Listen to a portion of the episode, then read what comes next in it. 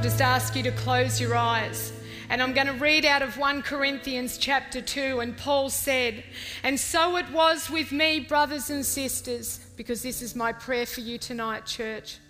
While I came to you, I did not come with eloquence or human wisdom, as I proclaimed to you the testimony about God. For I resolved to know nothing while I was with you except Jesus Christ and Him crucified.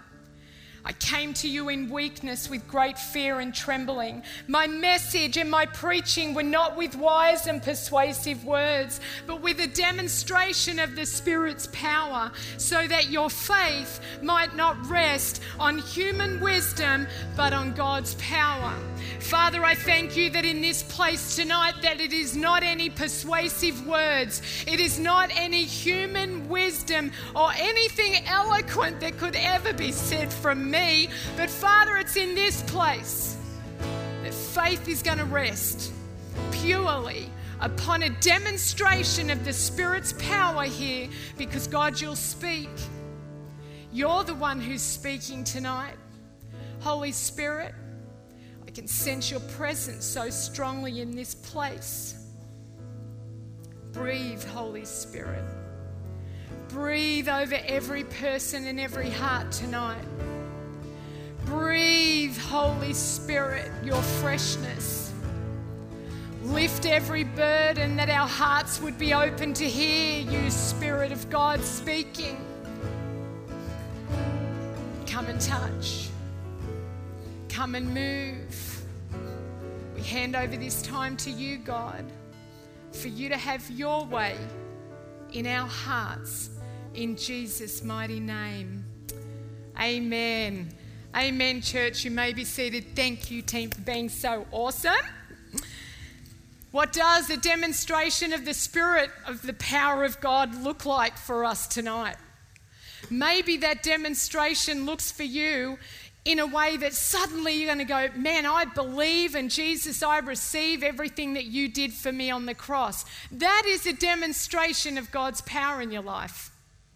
Maybe tonight the demonstration of God's power is that God is going to bring to your mind, to your memory, He'll remind you maybe of something that happened in your life that He wants to speak into. That is a demonstration of God's power over your life tonight. Maybe it's going to be that for the first time ever, you think to yourself, God, did you just speak to me? Is that what you sound like?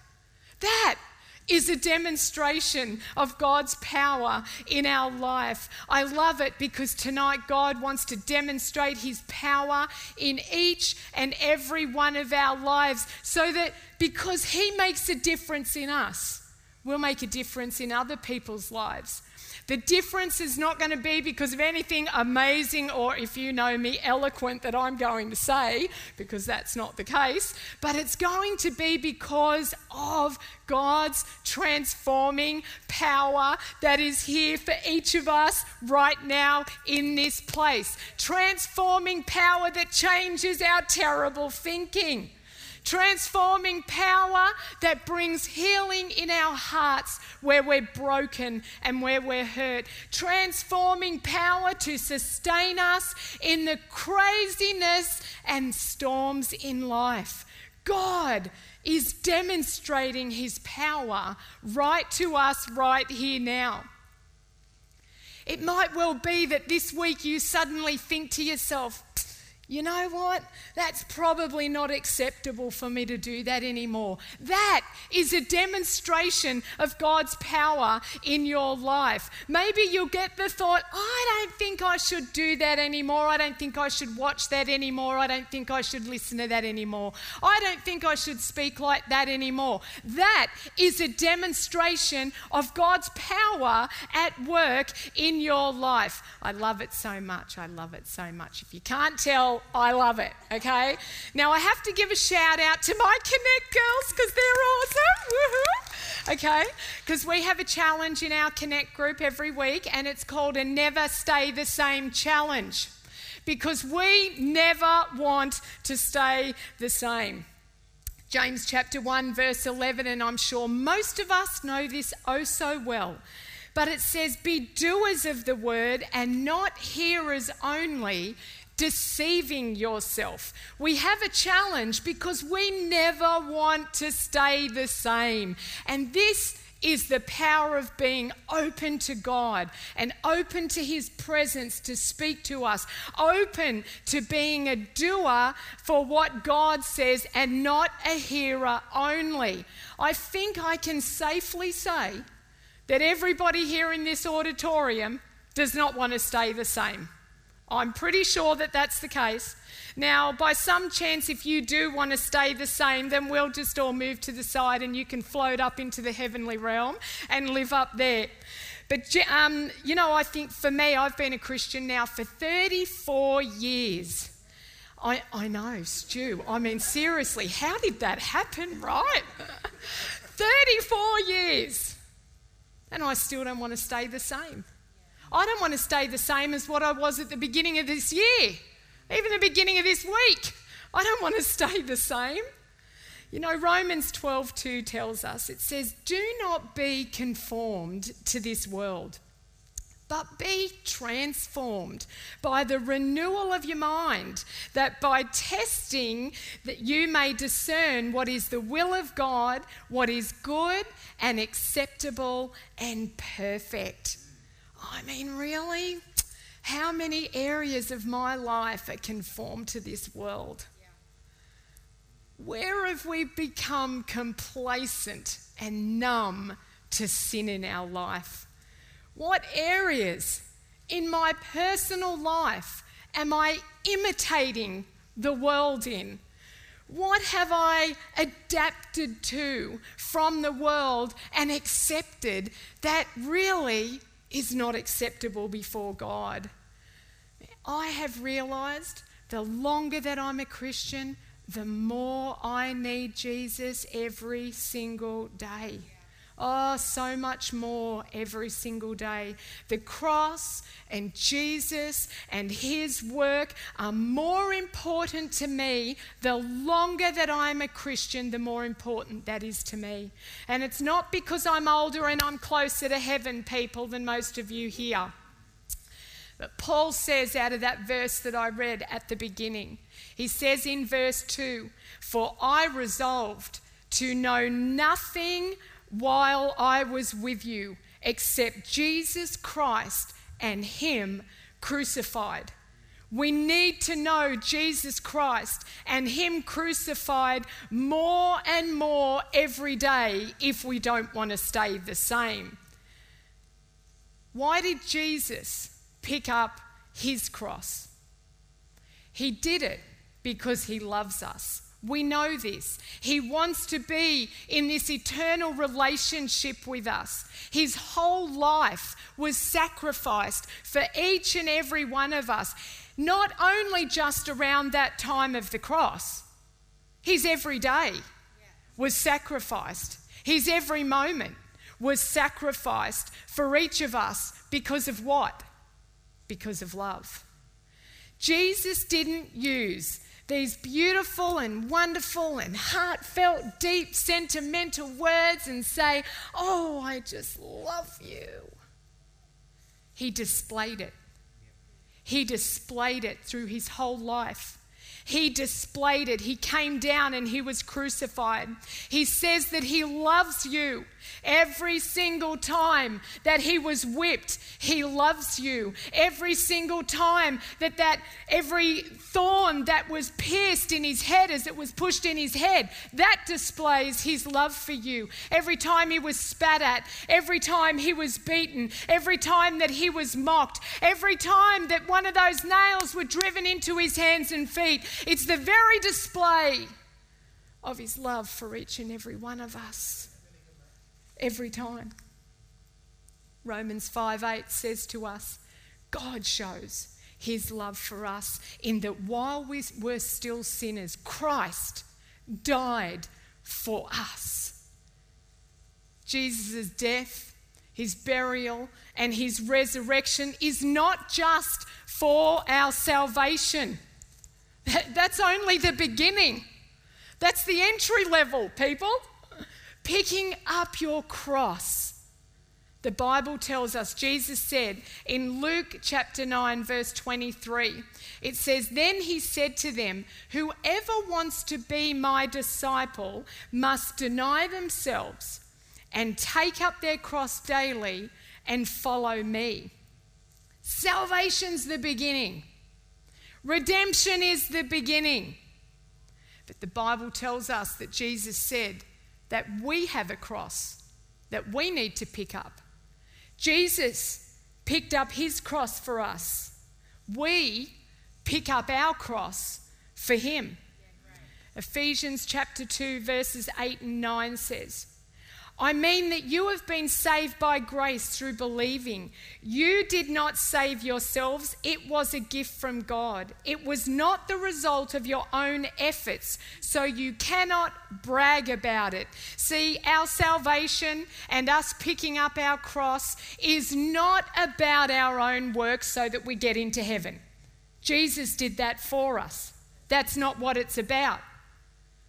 You know, the night before, uh, Jesus' crucifixion, Jesus is talking to the disciples, and we see in this picture that Josiah actually just spoke to us about around communion. What we see is that Judas has just left the room because he's going to betray Jesus.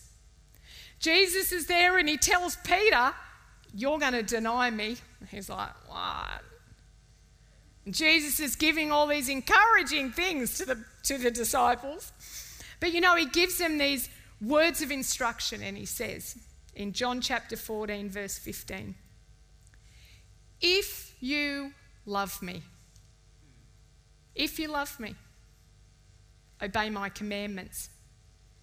You know, we also see a similar theme other times through the Bible as well. And in 1 John, we see the same type of theme there as well in 1 John 5 3. It says, In fact, this is love for God to keep his commandments.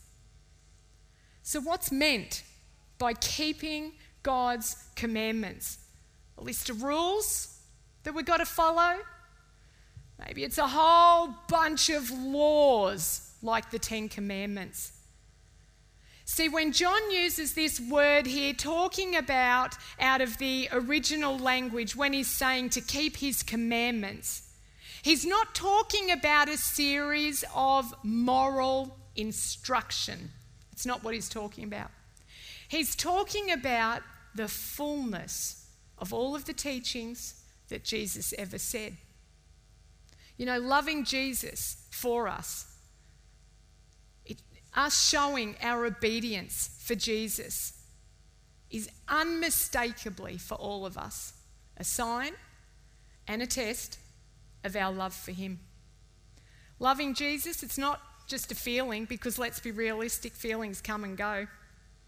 It's not the feeling, oh, I just love you, Jesus. And you might mean that with your whole heart. Absolutely.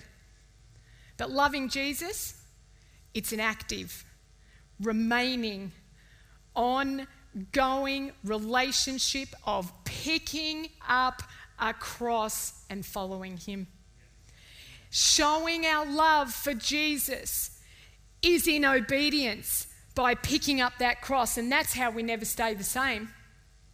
Christ picked up his cross for us. He loved us so much, and he tells us if you want to be my disciples, you have a cross to pick up. Jesus took up the cross, we take up a cross. Jesus tells us in Luke chapter 9. And for me, as I was just, for myself, this is really, I'm preaching to you something that's just out of my own devotions and something that I feel like God's been speaking to me about. Because, you know, when I was reading through this the other week, I saw one word. You know, when you go, there's just one thing stands out so much in that. One word was absolutely blinding me in that passage in Luke chapter 9 where Jesus says, Then he said to them, Whoever wants to be my disciple must deny themselves and take up their cross daily and follow me. It's the word daily. It's that word daily to never stay the same. Mostly, it's a lot of little daily picking up of the cross's obedience. It's what it is. It's those little things daily, done over a long period of time. Daily, submitting and surrendering to God. Daily, Lord, I hand over my will to you and I pick up my cross and I obey. Daily, following Jesus and what he wants. Daily, denying myself and handing over every lust of the flesh to him. Daily. And you know what, people? Let's be real. It is a massive challenge. I'm not going to stand here tonight and tell you that it's not, because it is. I think being a Christian is one of the hardest things you'll ever do in life.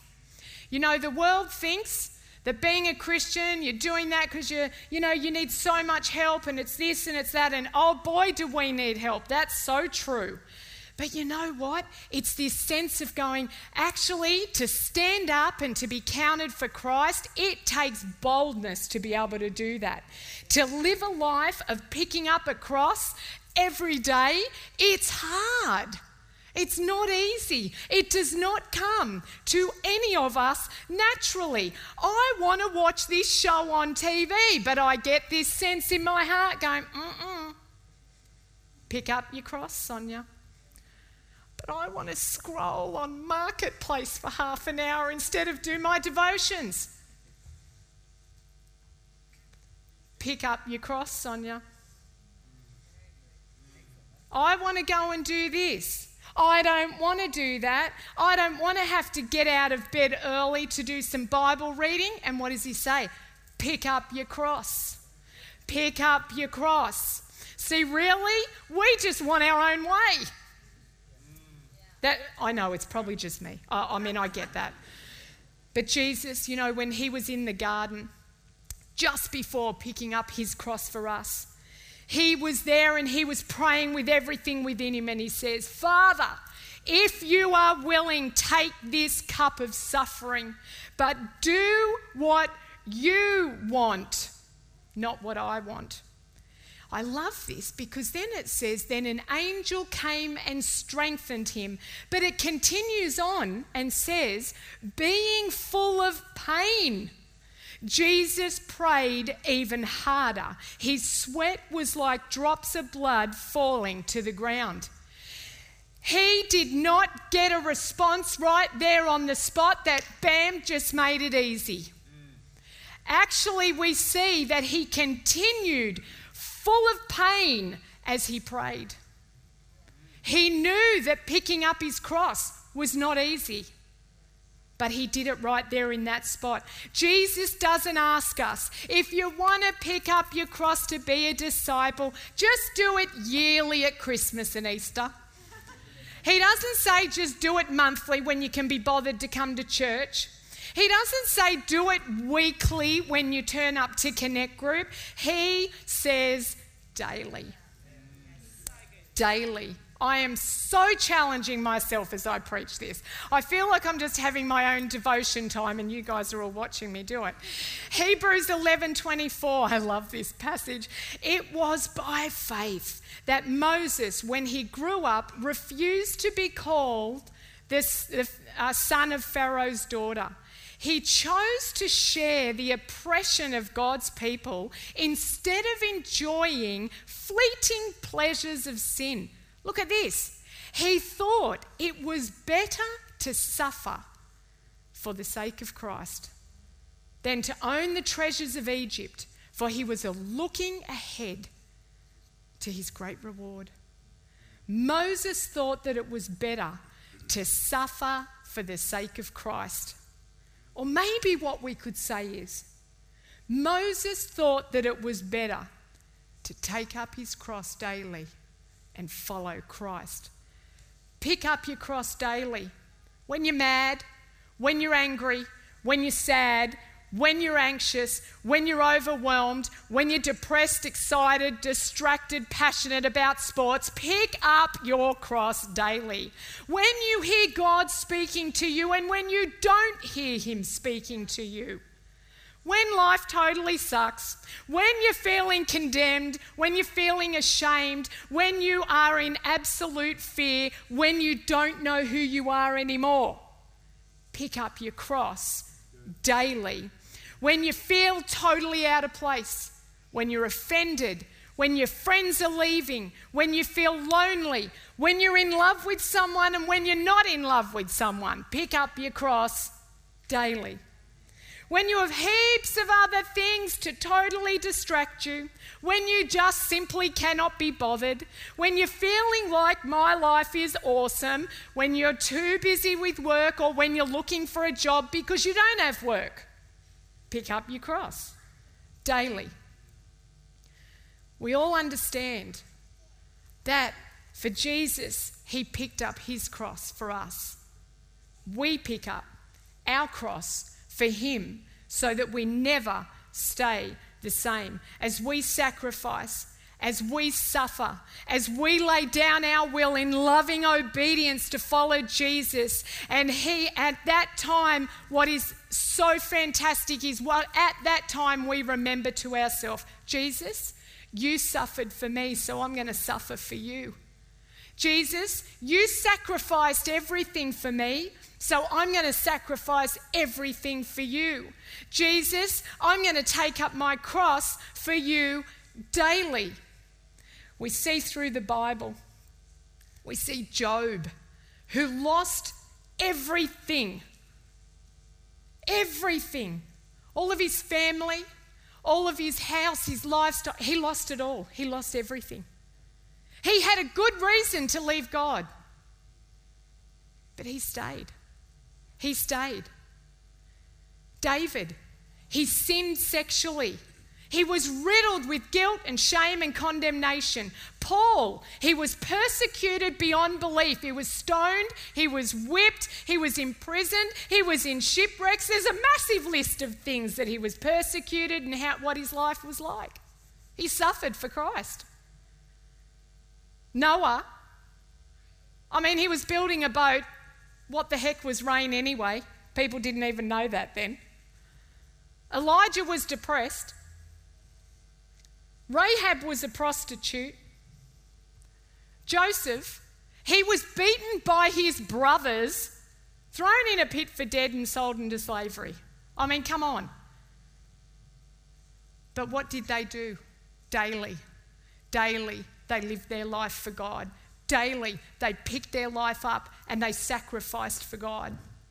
Hebrews 11:35 says, "But others were tortured, refusing to turn from God in order to be set free. They placed their hope in a better life after the resurrection. Some were jeered at and their backs were cut open with whips.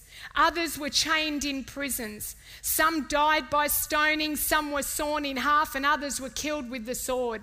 Some went about wearing skins of sheep and goats, destitute and oppressed and mistreated.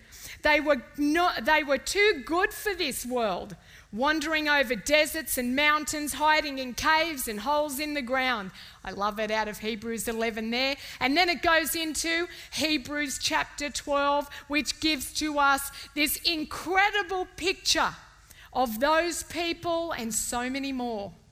It's the Hall of Fame they're around cheering us on. They're saying, Come on, Sonya, pick up your cross. You can do it. Come on, Sonya, do it daily. Stop being a slacker and only doing it in some things and really put that out there and sacrifice and suffer for Jesus, just like He did for you.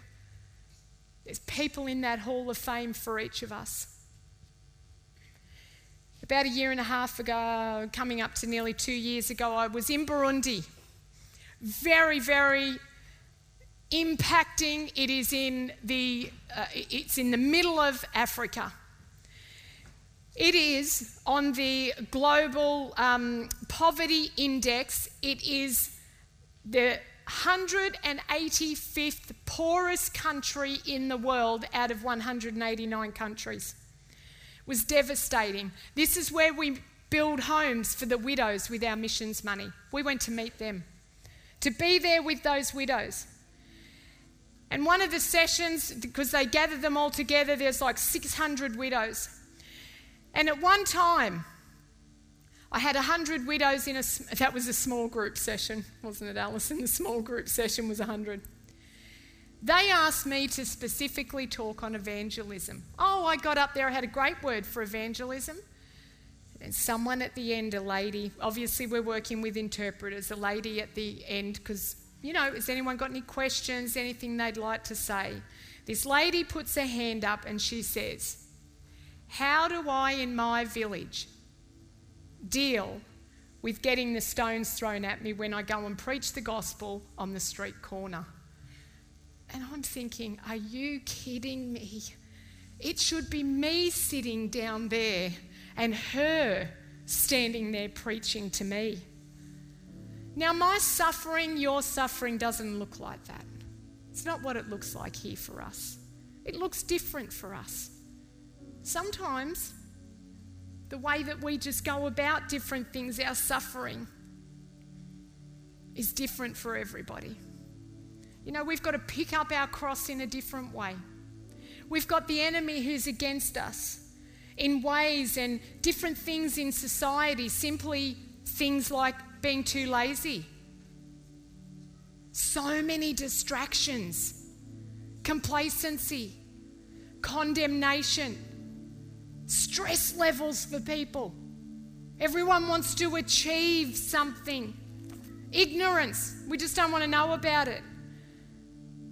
But Jesus is calling all of us today, tonight, because He doesn't want us to stay the same. He's calling us to pick up our cross. He's calling us to do it daily, to be transformed in our life so that our lives can be a testimony to everybody else that's around us. You know what I offer to Jesus? It's absolutely weak and pathetic compared to what he gave to me. My sacrifice doesn't even compare but he still takes it. My love is so weak, so fragile, but he still takes it because that's how good he is. I'm just going to read again out of Luke chapter 9, verse 23. And it says, Then he said to them all, Whoever wants to be my disciple must deny themselves and take up their cross daily and follow me. And then he goes on to say, see, this is what the reward is.